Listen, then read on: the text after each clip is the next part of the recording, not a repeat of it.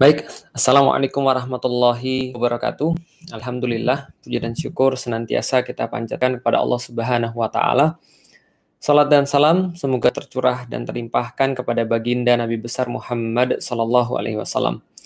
Alhamdulillah teman-teman sekalian saya dirahmati Allah uh, dalam keadaan sehat mudah-mudahan teman-teman semua dirahmati Allah. Allah berikan uh, kebaikan dalam kehidupannya, Allah berikan uh, ketaatan, Allah berikan juga kemudahan dalam melakukan ketaatan dan kebaikan itu. Dan mudah-mudahan kita semua uh, Allah juga jaga keimanannya sampai dengan waktu kita berjumpa dengan Allah Subhanahu wa taala. Uh, masih streaming secara langsung teman-teman sekalian uh, jam 8 pas dan sekarang bergabung sama kita sekitar baru 48 orang uh, dan beberapa komen sudah uh, ada ada yang nanya ini emang komennya dibaca sendiri? Ya dibaca sendirilah karena nggak ada yang bacain. Nggak ada Jarvis yang baca bacain ya. Teman-teman uh, sekalian soal dirahmati Allah pada hari ini sebagaimana judul jadi kalau teman-teman baca judulnya itu judulnya tuh saya kasih uh, yang lebih penting daripada obat. Berarti kita lagi mau bicarain tentang penyakit iya. Apa penyakit yang mau kita bicarain? Uh, jelas yang mau kita bicarain adalah uh, wabah COVID. Pertama-tama saya pengen disclaimer dulu uh, teman-teman sekalian, saya bukan siapa pun di dunia kesehatan. Saya bukan dokter, saya bukan perawat, saya bukan ahli, saya bukan uh, saya bukan siapa pun lah di dunia kedokteran dan nggak ngerti apa pun uh, yang berurusan dengan profesionalisme gitu ya di dunia di dunia medis. Sehingga apa pun yang pengen saya sampaikan pada malam ini itu tidak ada kaitannya sama sekali dengan urusan yang sudah saya sebutkan karena saya nggak qualified sama sekali untuk itu dan saya memilih untuk ikut pendapat ahli di bidang itu karena begitulah uh, Al-Quran memerintahkan kepada kita untuk mengikuti senantiasa pendapat para ahli di bidang itu. Karena itu, eh, bagi teman-teman sekalian yang mungkin punya pendapat yang berbeda, saya mohon maaf karena memang uh, apa namanya, ya teman-teman tahu kan ya, bahwasanya pandangan orang tentang COVID itu kan berbeda-beda. Ada yang menganggap bahwa COVID ini adalah konspirasi, ada yang menganggap bahwa COVID is real gitu ya. Eh, orang-orang uh, yang konspirasi nuduh kepada orang-orang yang menganggap bahwa COVID itu nyata sebagai mereka itu sudah dibodohi, mereka itu sudah ditipu. Bahkan mereka mengatakan bahwa uh, there is no pandemic, there is pandemic. Mereka katakan bahwa uh, tidak ada pandemi, yang ada adalah pandemic, yaitu adalah sebuah pandemi yang direncanakan. Itu kan penganut teori konspirasi. Sebaliknya daripada penganut uh, yang uh, percaya kepada COVID, bahwa COVID itu ada, COVID itu real, mereka kemudian mengatakan bahwa orang-orang yang nggak percaya sebagai COVIDiot, yaitu adalah orang-orang yang idiot yang nggak percaya dengan COVID sebetapapun besar ataupun sebetapapun banyak ditunjukkan kepada mereka data dan fakta mengenai uh, coronavirus ini atau penyakit COVID-19 ini. Artinya, uh, saya menghargai ada pendapat-pendapat seperti itu. Hanya bagi saya secara pribadi, uh, saya tidak menganggap COVID itu sebagai konspirasi. Jadi saya menganggap COVID itu ada, COVID itu real gitu ya. Walaupun saya juga bisa menerima pandangan-pandangan yang mengatakan bahwa uh, COVID itu kayak konspirasi. Saya menerima walaupun saya tidak bersepakat. Saya bisa memahami, saya tetap respect pada orang-orangnya, walaupun saya tidak satu pendapat dengan uh, mereka. Tapi sekali lagi, disclaimer saya itu adalah uh, berkaitan dengan saya tidak mau membahas tentang teknis medis karena itu bukan bagian dari saya. Yang saya pengen bahas hanyalah sesuai dengan yang kemarin saya bahas.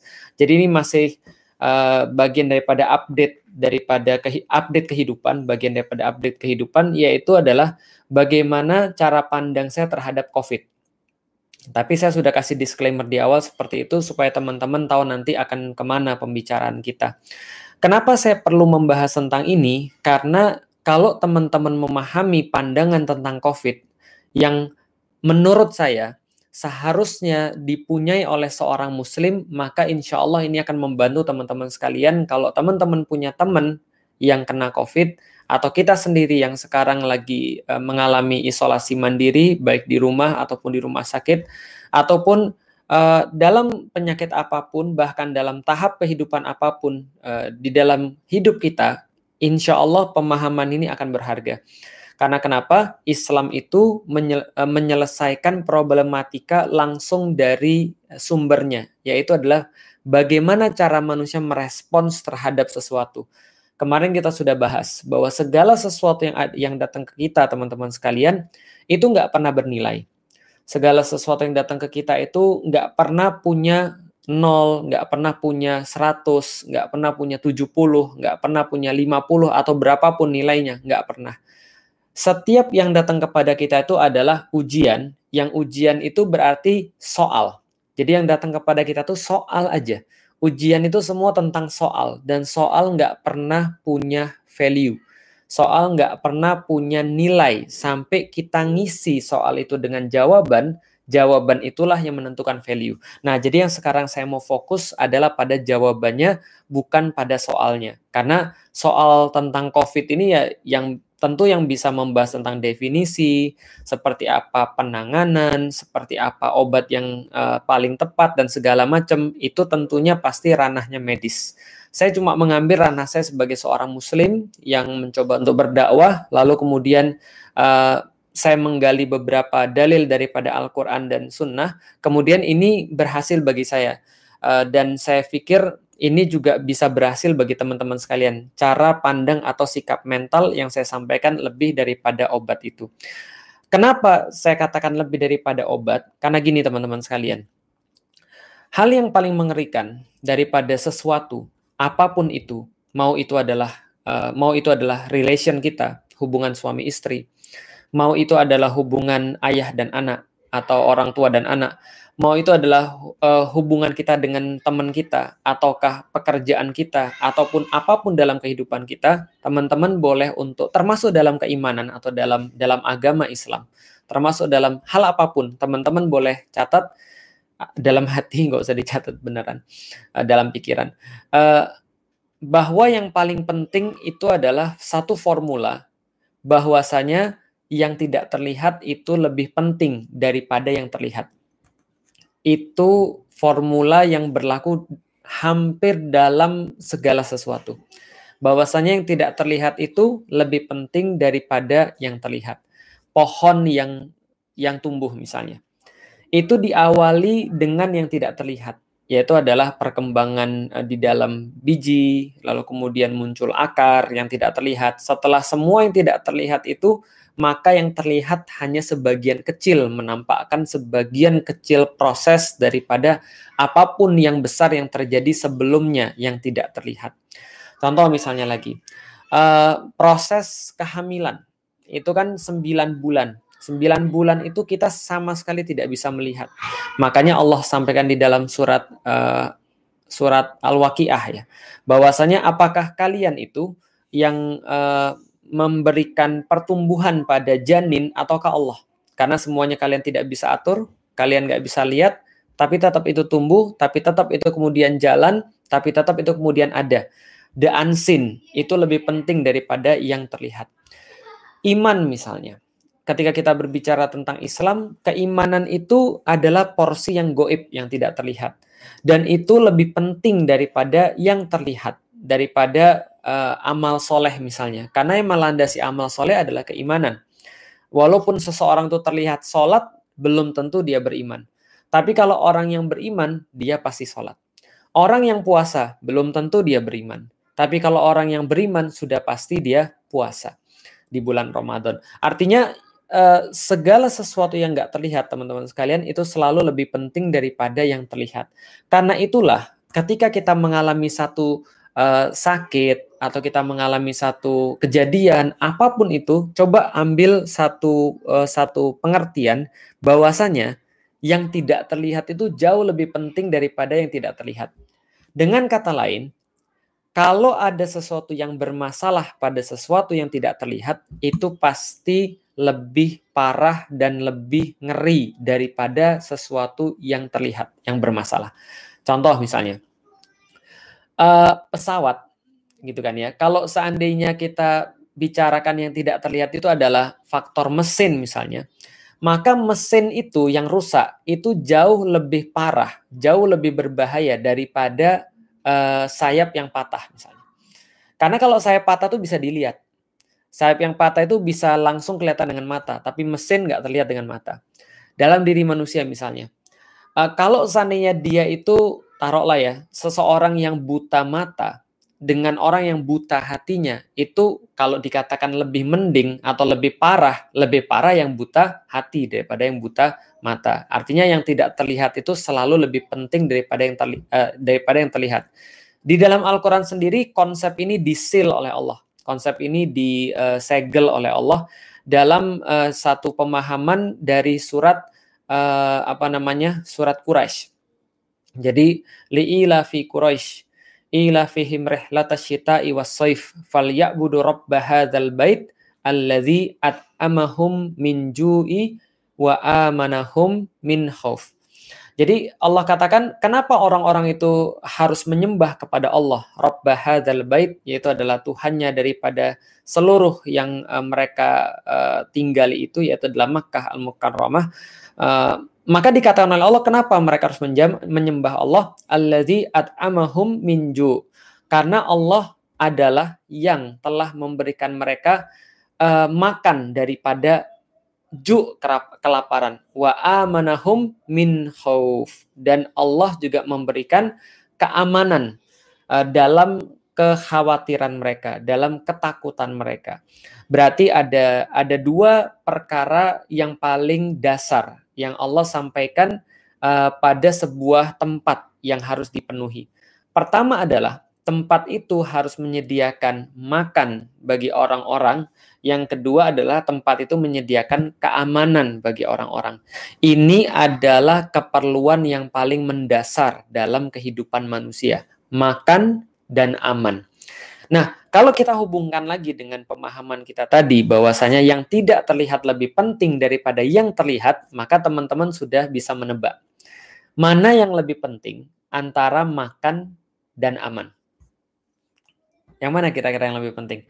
Makan atau aman? Nah, kita lihat lihat apa namanya? Kita lihat uh, apa namanya? komentar ya. Kira-kira menurut teman-teman sekalian nih, makan atau aman yang lebih penting. Berdasarkan konsep tadi kan sudah saya sampaikan ya. Bahwasanya kalau yang lebih penting itu pasti yang nggak kelihatan. Yang nggak kelihatan selalu lebih penting. Siapa yang dijawab makan gitu ya sudah sudah kuat salah lagi gitu kan ya uh, belum tentu yang pertama kali disebut itu di dalam Al-Qur'an itu yang uh, itu yang lebih lebih penting gitu kan ya. Uh, dua-duanya nggak bisa gitu orang ditanya yang lebih penting kok. Nah, jadi kalau kita bicara balik lagi ya. Ingat ingat ingat formulanya, ingat formulanya. Yang tidak terlihat itu selalu lebih penting daripada yang terlihat. Oke, bagus. Nah, ini jawabannya sudah mulai bagus nih yang belakang-belakang. Nah, berarti tidak selalu orang belakangan itu yang yang yang salah ya. Jadi gini, yang tidak terlihat kuncinya adalah selalu yang lebih penting daripada yang terlihat. Berarti makan kelihatan atau enggak? Ya makan kan kelihatan. Makan kan kelihatan, tapi aman itu enggak kelihatan. Dengan kata lain, aman itu lebih penting daripada makan. Kok bisa gitu? Nah, kita buktiin ya. Coba gini. Uh, saya punya teman, saya punya teman, dia bayangin ya, penghasilannya itu satu kali transaksi 60 juta di tahun 1990. Bayangin sendirilah antum. Kalau zaman sekarang itu ya kaliin aja 5 lah, berarti 300 juta tiap kali transaksi ya. Sekali transaksi 300 juta. Itu duitnya, itu teman saya tuh segitu. Dan dia bilang, ada satu masa Ustadz, ketika hidup saya itu benar-benar tidak ada rasanya sama sekali Antum bayangin dengan duit 300 juta per transaksi, bukan per hari ya, per transaksi dan sehari bisa dua atau tiga transaksi dia karena dia mainnya ya ekspor impor gitu. Uh, per transaksi dia 300 juta. Tapi pada satu hari dia itu uh, diminta sama anaknya untuk datang ke pembukaan showroom anaknya. Jadi anaknya mau buka showroom, jadi uh, dia bilang ibu saya minta ibu hadir dong sekali-sekali ke pembukaan showroom saya. Dia bilang nak ibu ada transaksi, ada ada meeting sama orang. Ibu nggak bisa. Akhirnya ibunya meeting, lalu kemudian nggak jadi uh, nggak jadi ikut anaknya buka showroom, anaknya uh, mungkin stres atau mungkin dia kecewa atau apa yang jelas anak-anaknya kemudian anaknya kemudian kebut-kebutan terus kemudian meninggal. Ketika meninggal, tahu kata ibunya, semua makanan di hotel terbaik yang pada saat itu ada di Jakarta itu sama sekali nggak bisa dimakan. Pertanyaannya, makanannya ada? Ada. Laparnya ada? Ada. Yang nggak ada apa? Aman. Orang nggak aman nggak bisa makan. Yakin antum. Antum bawa makanan terbaik ya. Kalau bagi saya taruhlah mie paling enak di Indonesia. Taruhlah ya, mie paling enak di Indonesia. Itu ada di depan mata saya. Tapi dalam kondisi, dalam kondisi misalnya contoh Alila lagi hilang misalnya. Atau anak-anak saya lagi diancam misalnya. Atau dalam kondisi perang misalnya. Itu mesti makannya nggak enak. Atau bahkan nggak bisa makan. Ya paling sederhana aja lah. Siapa yang sudah pernah jadi uh, panitia di satu acara besar. Itu biasanya antum nggak akan bisa makan kecuali sampai selesai acara. Biasanya, setidaknya saya gitu. Artinya aman itu lebih penting daripada makan. Orang ada makan tapi nggak ada aman, itu nggak bisa makan. Tapi kalau orang ada aman tapi nggak makan, itu masih lumayan daripada orang nggak ada aman tapi ada makanan. Nah balik lagi berarti pemahaman orang tentang penyakit itu bagaimana sikap mental seseorang dalam menghadapi satu penyakit termasuk wabah ini jauh lebih penting daripada kesiapan tubuhnya dalam menghadapi penyakit tersebut. Paham nggak sih teman-teman sekalian?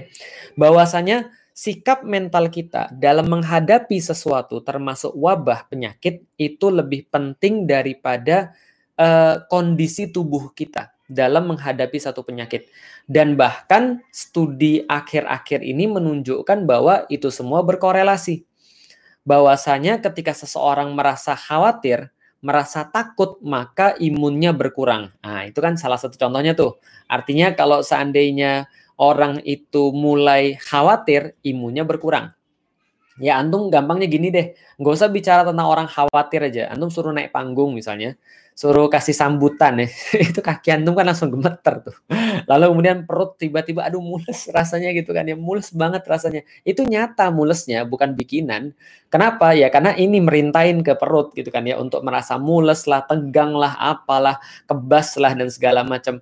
Sesuatu yang tidak terlihat itu ternyata bisa mempengaruhi yang terlihat juga gitu loh maksudnya. Artinya kalau seandainya kita punya kesiapan mental yang lebih besar, itu lebih bagus daripada kesiapan fisik doang.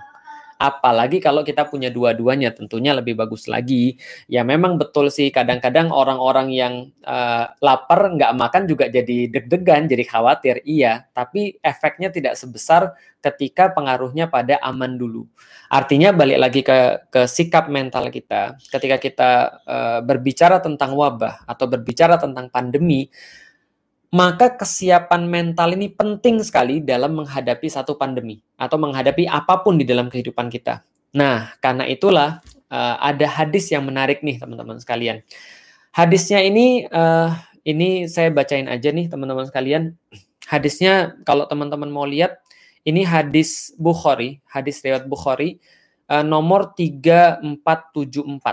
Jadi 3474 yaitu adalah hadis tentang uh, tentang pandemi. Hadisnya ini berasal daripada uh, Aisyah radhiyallahu anha, yaitu adalah istri daripada Nabi Shallallahu alaihi wasallam. Dia berkata, qalat, dia berkata, uh, Sa'al tu Rasulullah Shallallahu alaihi wasallam. Aku bertanya kepada Rasulullah Shallallahu alaihi wasallam. Jadi ceritanya Aisyah ini bertanya. Jadi dia punya inisiatif untuk bertanya kepada Rasulullah Shallallahu alaihi wasallam terang bahwa ketika Aisyah bertanya ini pasti ada latar belakangnya bahwa mungkin uh, pada saat itu Bunda Aisyah uh, mengetahui terjadi pandemi di satu waktu atau terjadi uh, pandemi di waktu itu bahkan walalah misab tapi yang jelas beliau bertanya pada Rasulullah Shallallahu alaihi wasallam anit taun terhadap taun atau wabah. Uh, fa akhbaroni maka kemudian Rasulullah Shallallahu alaihi wasallam itu uh, mengabarkan atau memberitahu kepada Aisyah annahu azabun yab'asuhullah. Itu adalah azab yang Allah kirimkan. annahu azabun yab'asuhullahu ala uh, mayyasha. yaitu adalah sebuah azab yang Allah kirimkan kepada siapa pun yang Allah kehendaki. Itu katanya Rasulullah. Itu poin pertama. Poin kedua, wa annallaha ja'alahu rahmatan lil mu'minin. Akan tetapi selain daripada azab kepada siapa pun yang Allah kehendaki, uh, taun atau wabah ini juga adalah sebuah rahmat kepada orang-orang yang uh, mukmin. Hmm, ini ada satu apa ya? Ada satu paradoks ya, ada satu hal yang kayak bertentangan. Tapi insya Allah coba nanti akan kita bahas. Sebenarnya sih nggak bertentangan. Laisa min ahadin uh, yaqa'ut ta'un dan tidaklah seseorang uh, dia dia itu berada dalam sebuah uh, wab, uh, berada dalam kondisi wabah fayam kusufi baladihi dan dia menetap kepada uh, negerinya itu yang terkena wabah maksudnya tidak pergi. Ini konsep lockdown yang nanti akan kita juga uh, sambung lagi. Uh, dalam kondisi apa? Uh, fi baladihi sobiron dalam kondisi sabar. Maka kemudian oh ada lagi sorry. Sobiron uh, muh, uh, muhtasiban. Uh, selain dia sabar dan dia juga muhtasiban. Dia berharap bahwasanya ini semua akan menjadi amal baiknya.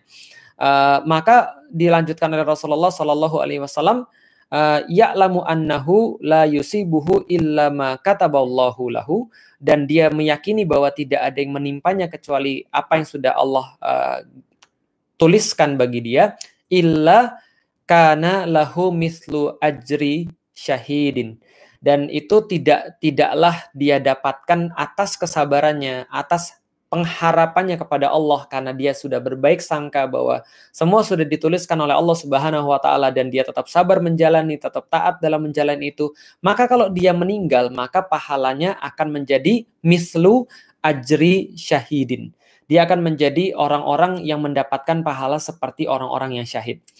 Masya Allah, ini ini ini salah satu sikap mental. Jadi uh, jadi Aisyah bertanya pada Rasulullah, ya Rasulullah, uh, apa taun itu? Jadi apa itu wabah? Maka Rasulullah menjawab, Ta'un adalah azab yang Allah kirimkan bagi orang-orang yang dia kehendaki. Jadi belum tentu ya kalau ada orang COVID, kena COVID itu semuanya azab yang belum tentu, belum tentu. Yang dikehendaki Allah itu kena taun tuh. Jadi bagi orang-orang yang dikehendaki Allah, taun itu jadi azab. Jadi semua yang kena taun itu belum tentu baik, belum tentu jahat. Tapi katanya Aisyah dari Rasulullah, Rasulullah berkata, ada To'un yang menjadi azab. Itu yang pertama. Bagi orang-orang yang dikehendaki oleh Allah. Itu yang pertama ya. Yang kedua adalah ada to'un, ada wabah yang kena ke orang dan jadi rahmat.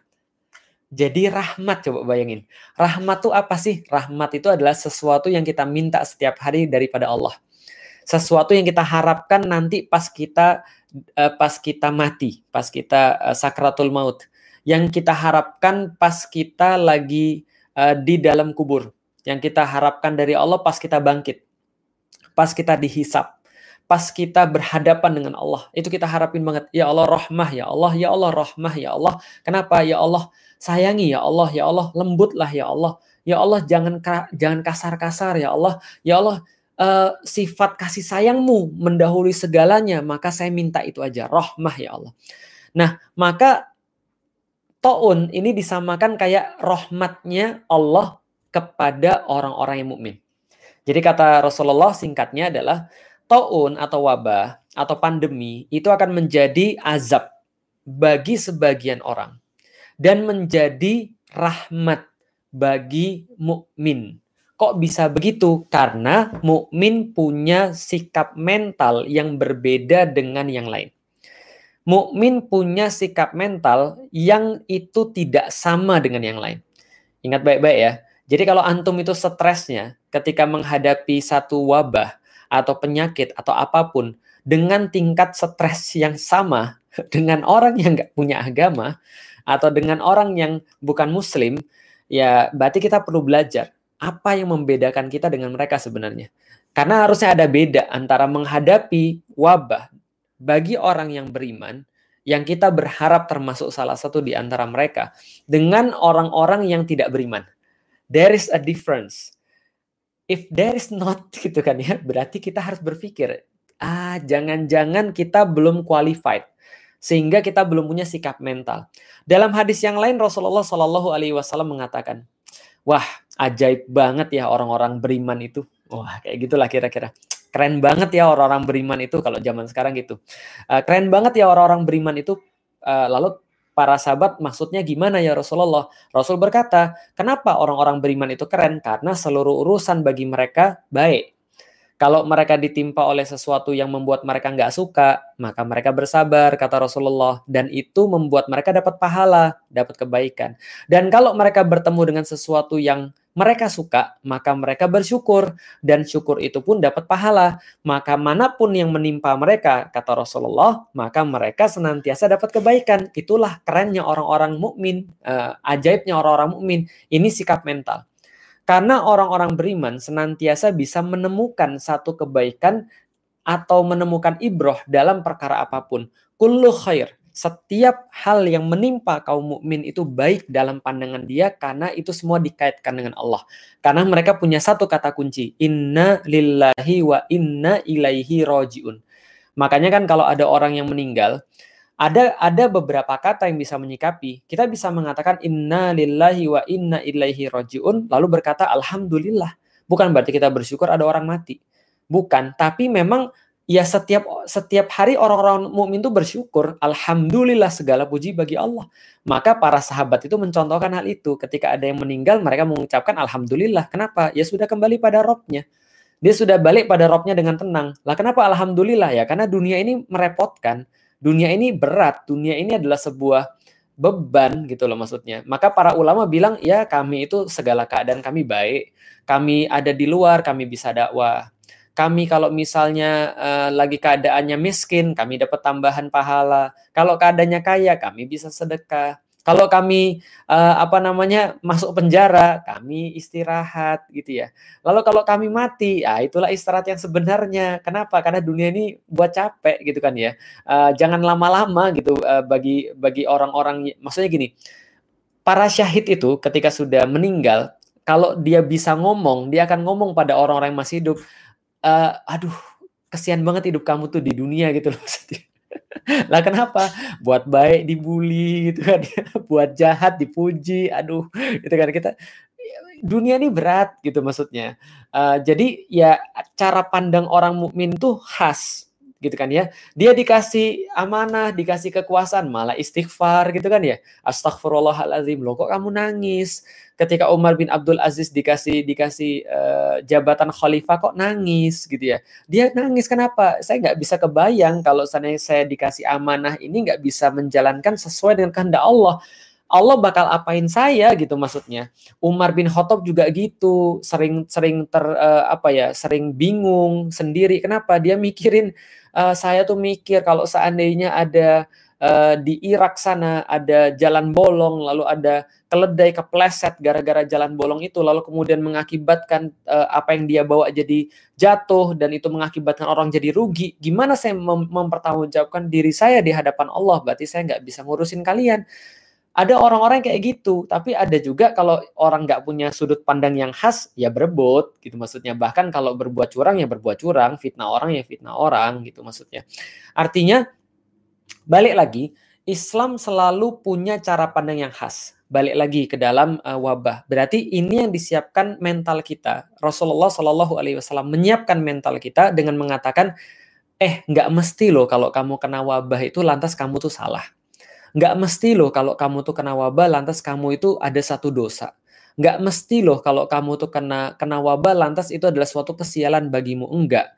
Kalau kamu kena wabah dan kamu merasa kayak diazab, ya berarti mungkin itulah yang tadi tipe pertama tadi bahwa wabah bisa jadi adalah azab yang dikirimkan Allah untuk orang-orang tertentu yang Allah inginkan, tapi bisa jadi jadi rahmat bagi orang-orang beriman. Kenapa? Karena wabah itu bisa buat mereka dekat dengan Allah.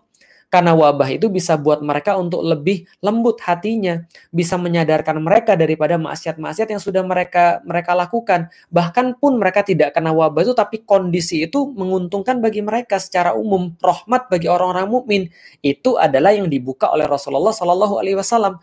Maka Rasul kemudian melanjutkan, maka siapa pun ketika berada dalam satu tempat, dalam satu tempat wabah itu dan dia sudah berada di situ, jangan keluar sehingga nggak eh, nggak uh, nggak mencemari dan tidak menginfeksi yang lain sehingga tidak menularkan kepada yang lain jangan keluar. Dan kalau dia sabar di situ kemudian menjalani tetap ibadah lalu kemudian dengan sebaik-baiknya berdasarkan protokol kesehatan kalau zaman sekarang maka ketika dia melakukan hal itu bersabar dengan itu semua dan dia wafat di situ maka wafatnya mati syahid Kapan lagi?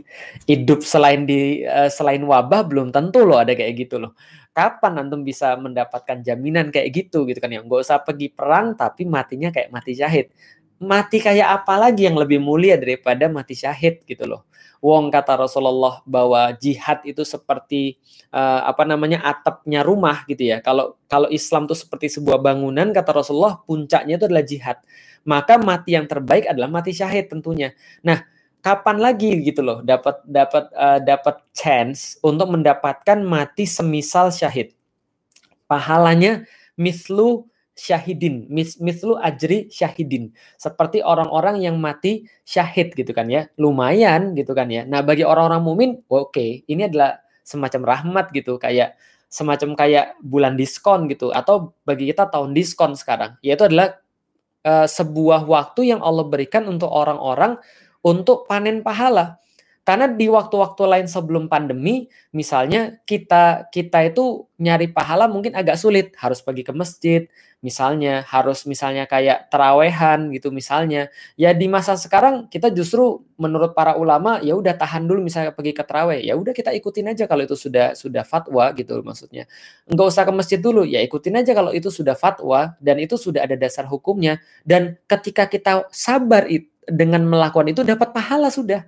Dan pahalanya kalau misalnya ya kalau misalnya sudah wafat gitu kan ya kena covid terus wafat ya udah dapat pahalanya seperti syahid selama kita tetap mematuhi protokol-protokol yang berlaku maksudnya gitu.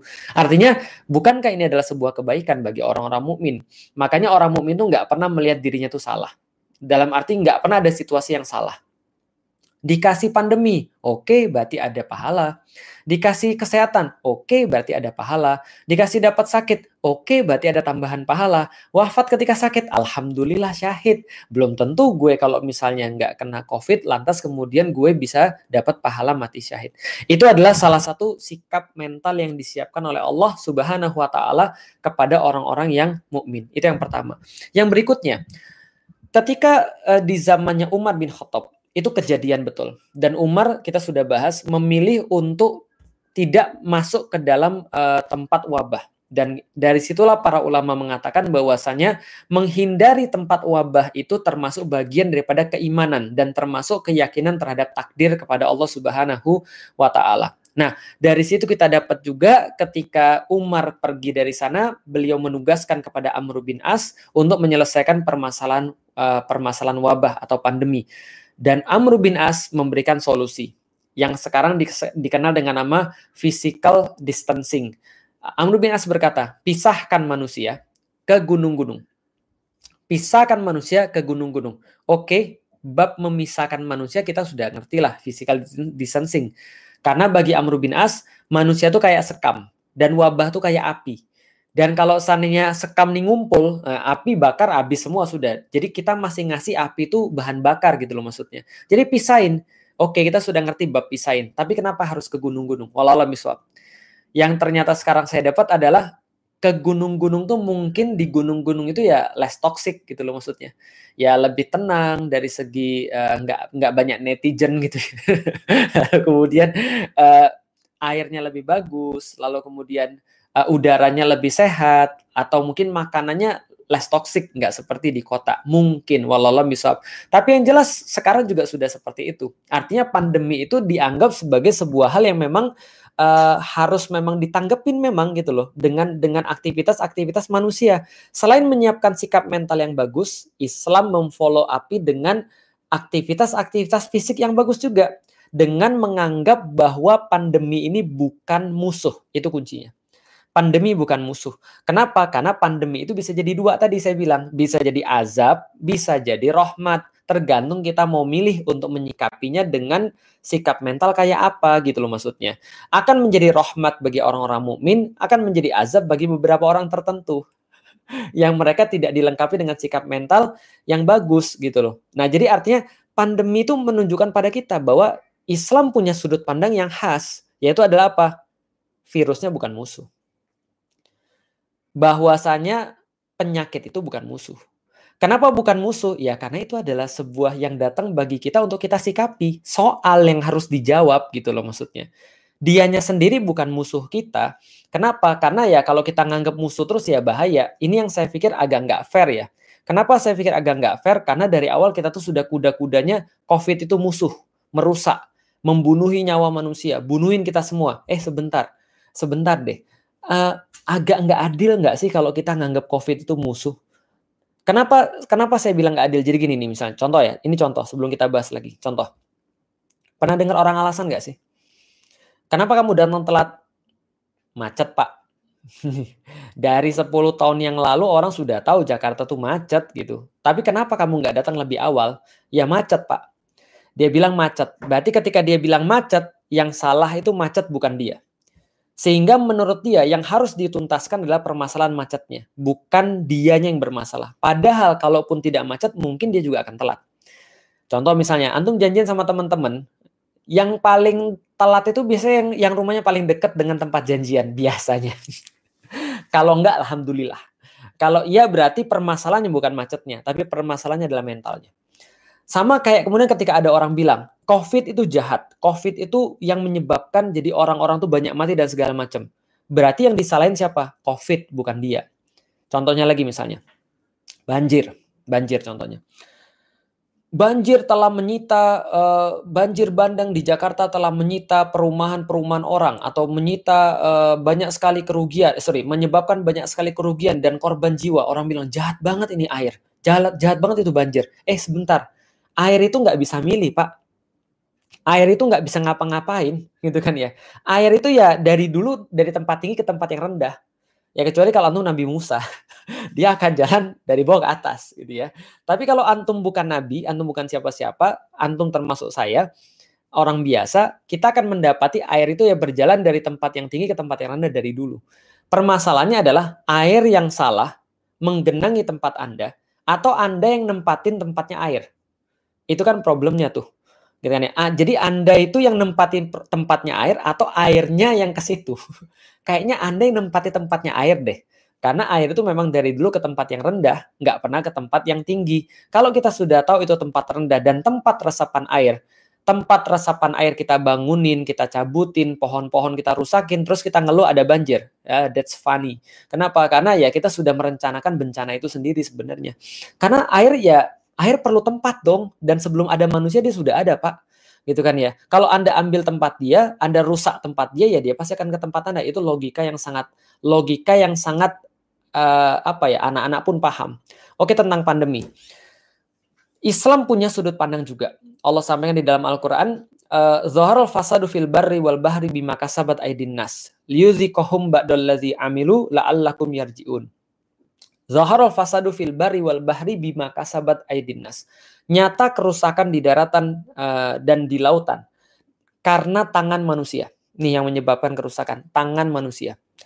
Liyuzikohum ba'dallazi amilu dan Allah merasakan kepada mereka sebagian kecil daripada yang mereka lakukan kerusakan itu kerusakan itu cuma sebagian kecil yang Allah rasakan kepada mereka la'allahum yarjiun supaya mereka mau kembali kepada Allah supaya mereka mau kembali kepada Allah Subhanahu wa taala. Artinya la'allahum yarjiun supaya mereka mau kembali kepada Allah, Allah liyuzikohum ba'dallazi amilu. Allah rasain sebagian kerusakan yang sudah kita perbuat sendiri. Artinya apa teman-teman sekalian? Cek baik-baik, ingat baik-baik. Yang bisa buat kerusakan di muka bumi ini cuma manusia. Bukan binatang, bukan bukan uh, alam, bukan pohon, bukan batu, bukan air, bukan apa pun itu, bukan binatang, tapi manusia. Kenapa?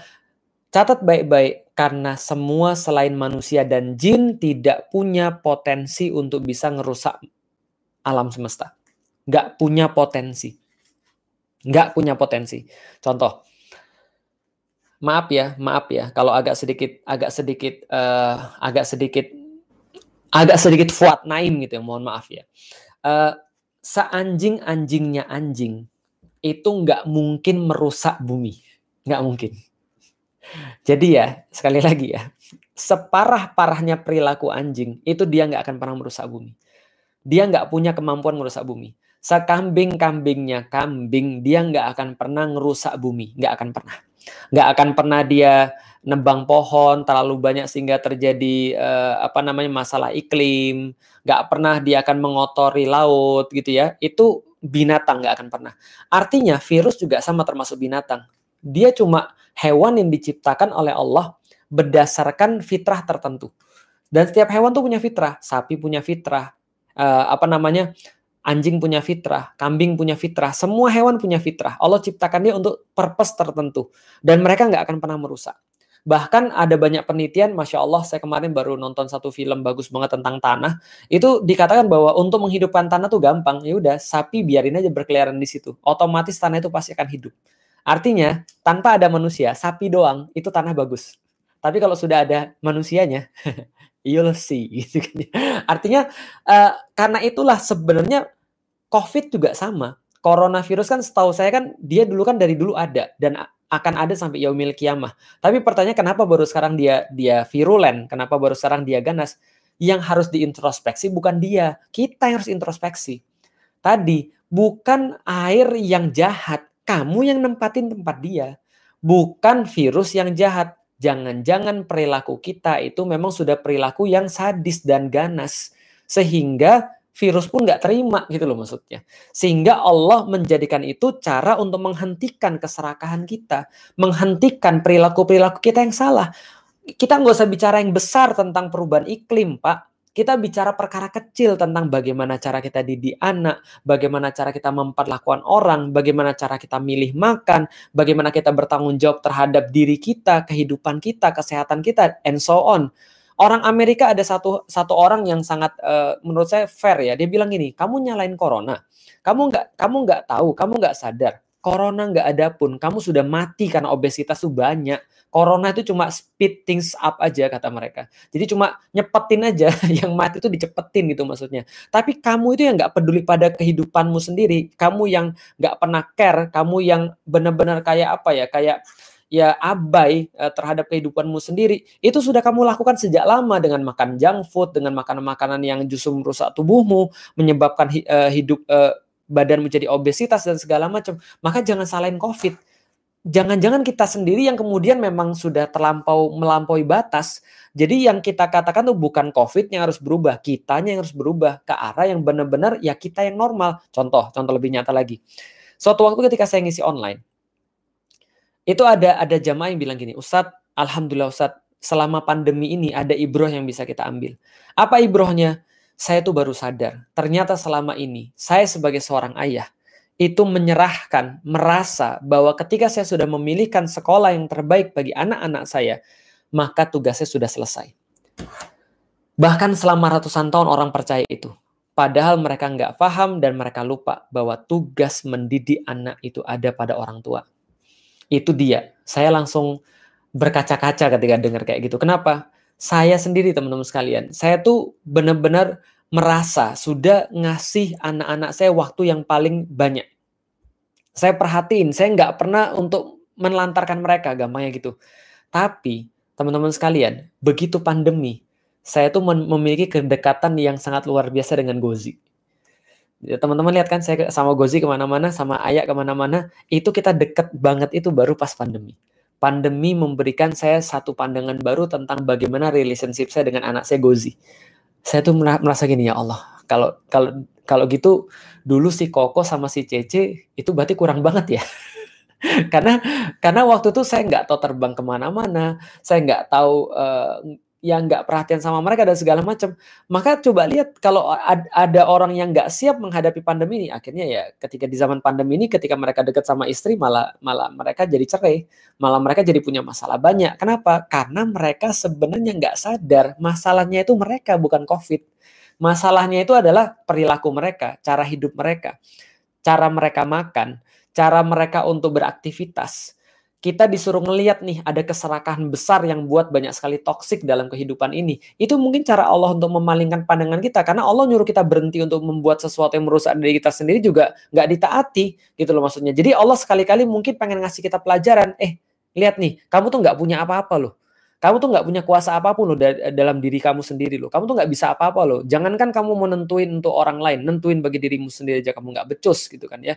Maka harusnya kamu tuh pakai aturan saya, jangan main-main. Ini baru satu makhluk kecil. Itu itu kalau saya sih ngambilnya kayak gitu ibroh. Artinya bagi saya secara pribadi, saya nggak pernah menganggap COVID-nya adalah musuh ketika saya melihat yang kayak gini-gini, lantas saya harus introspeksi pada diri saya sendiri dong, bahwasanya jangan apa apa yang sudah saya lakukan sehingga kemudian uh, COVID yang dulunya nggak virulen jadi virulen kayak begini, gitu maksudnya. Apa salah saya? Apa salah apa salahnya kemudian jamaah saya? Apa salah orang-orang Indonesia dan seterusnya? Ini yang kemudian harus kita berpikir, jangan sampai kita selalu punya satu pemikiran bahwa yang salah itu bukan kita. Kita tuh sudah pasti benar. There is nothing wrong with me. Yang salah itu adalah kamu kalau seandainya ada sesuatu yang berubah, bukan saya, kamu yang harus berubah. Nggak gitu ceritanya, Pak. Nggak gitu ceritanya, Bos. Artinya, ya kalau kita bisa berbicara adalah ini saya pikir cara-cara pandang yang yang sangat fair terhadap pandemi, terhadap wabah. Sehingga kita itu tidak stres mikirin hal yang nggak bisa kita ubah. Tapi kita akan maksimal untuk berpikir dan berusaha dalam perkara-perkara yang kita bisa ubah. Itu hadiah terbesar oleh Islam dari Islam kepada orang-orang beriman sehingga wabah itu seperti kata Rasulullah dia menjadi rahmat bagi orang-orang yang beriman. Itu loh kemudian sudut pandangnya. Nah kalau teman-teman sudah punya kayak gini doang, uh, su sudah punya kayak gini, maka insya Allah saya tahu, saya tahu persis nggak mudah bagi orang-orang yang COVID untuk juga bisa berpikir positif. Ngerti, ngerti banget. Saya mungkin nggak seperti yang teman-teman eh, alami susahnya. Tapi saya mencoba untuk memahami dan insya Allah saya paham sedikit banyaknya bagaimana kita itu dihancurkan mental. Karena memang COVID ini tentang masalah mental bukan uh, bukan hanya tentang masalah fisik. Banyak orang sudah recovery fisiknya tapi nggak pernah recovery mentalnya. Kenapa? Karena mereka nggak pernah siap untuk menghadapi yang kayak gini. Kenapa nggak pernah siap? Ya karena mungkin bagi uh, sebelum ini kita nggak pernah untuk kayak perlu merasa perlu punya mental kayak gini. Padahal Islam sudah memang menggariskan dari awal bahwa segala sesuatu bagi Allah adalah sesuatu yang baik gitu maksudnya. Kullu khair insya Allah. Nah maka bagi saya kalau kita sudah punya kayak gini ya insya Allah terhadap apa pun mudah-mudahan Allah memudahkan kita. Dan ini adalah jadi bagian daripada kebaikan bagi kita jadi bagian daripada pahala bagi kita cara pandang kita dan kita nggak serta-merta cuma nyalain COVID. Iya kita tetap patuh pada protokol kesehatan. COVID ada, dia uh, dia bukan konspirasi. Kita tetap harus menjaga diri kita dan meningkatkan imun kita. Tapi jangan takut berlebihan. Karena kalau takut berlebihan itu justru lebih parah. It's worse than COVID itself. Kenapa? Karena Anda mati sebelum sakit gitu loh maksudnya. Anda masih hidup, Anda masih Anda masih sehat, tapi ketakutan Anda yang berlebihan itu membuat Anda tuh nggak ngapa-ngapain, membuat Anda tuh takut gitu maksudnya. Dan jangan juga meremehkan, tapi udah tempatkan aja sebagaimana posisinya. Iya COVID ada dan dia menular, makanya terapin protokol kesehatan semaksimal yang kita bisa, gitu kan ya. Lalu tapi kemudian sikap mental kita itu melihat itu adalah dia bukan musuh gitu loh. Yang harus kemudian kita kayak yang anggap dia musuh dan seolah-olah nggak ada yang nggak ada yang harus berubah dalam diri kita gitu maksudnya. Nah saya pikir itu adalah se sebuah pandangan yang fair terhadap siapa pun dan kembali kita mendoakan. Siapa pun yang sakit kita doakan mudah-mudahan cepat sembuh. Allah kasih kesembuhan yang segera, Allah kasih kesembuhan yang sempurna dan paripurna. Tapi uh, selalu saya ingatin pada teman-teman sekalian semuanya yang punya teman yang kena positif COVID atau siapa pun, ini adalah soalan mental. Maka saya sampaikan bahwa sehatnya mental kita, penerimaan kita bahwa COVID ini adalah bagian daripada ujian, bagian soal yang nggak punya nilai, yang punya nilai adalah jawaban kita. Pemahaman semua seperti, eh, itu, bagi saya itu adalah obat yang terbaik. Sikap mental yang pas menjadi dasar yang paling bagus bagi obat apa pun yang masuk, hatta itu sekedar air putih. Hatta itu sekedar air teh atau apa pun. Tapi sikap mental yang bagus ya Allah saya terima kalau memang harus ada yang diperbaiki dalam tubuh saya. Kalau harus ada yang diperbaiki pada sikap saya pada makanan saya mudah-mudahan covid ini jadi jalannya Allah. Kalau memang ini adalah sebuah sebuah hal yang baik bagi saya jadikan ini rahmat untuk mendekatkan saya dengan engkau ya Allah. Jadikan sakit ini sebagai cara saya untuk lebih banyak beristighfar cara saya untuk lebih bersyukur atas kenikmatan yang engkau berikan yang banyak saya kufuri cara saya untuk lebih menyayangi menyayangi orang-orang yang kau kirimkan kepada saya nggak pernah saya lihat gitu kan ya. Uh, lalu kemudian cara saya untuk bisa lebih uh, berkarya ketika engkau memberikan saya kesehatan nanti ya Allah. Jadikan semuanya itu ya Allah. Jadikan itu adalah rahmat bagi bagi saya ya Allah. Dan kalau memang ini adalah sebagai sebuah uh, sebuah pengakhir daripada saya ya janji janji engkau bahwa ini adalah syahid ya udah penuhi kepada saya ya Allah itu adalah bagian daripada penerimaan orang-orang muslim terhadap uh, wabah Walau uh, bisa teman-teman sekalian jadinya malah panjang. Apa namanya? Uh, 50 menit kita sudah ada di sini dan uh, dan kita dan kita berharap bahwa cara kita memandang atau sikap mental ini menjadi sebuah tambahan yang berharga, menjadi sebuah dasar yang berharga bagi obat-obatan yang nanti akan kita konsumsi, herbal-herbal yang nanti akan menguatkan imun kita. Karena imun itu sudah disampaikan dari awal, itu adalah tentang di sini dulu bukan bukan apa yang kita makan dulu tapi tentang sehatnya cara pikir kita dulu sehatnya keimanan kita dulu kepada Allah Subhanahu wa taala. Wallahu bisa teman-teman sekalian semoga bermanfaat. Salam buat teman-teman sekalian uh, yang sakit. Salam saya buat tem uh, saudara-saudara teman-teman yang sakit. Salam saya buat orang tua orang tua semuanya. Semoga uh, kembali lagi semua disehatkan dan kita bisa ngumpul-ngumpul lagi di masjid, kita bisa untuk um, mer meruahkan kerinduan kita uh, di tempat yang offline dan sekali lagi kita doain uh, bagi orang-orang yang sakit dengan uh, sir al-fatihah.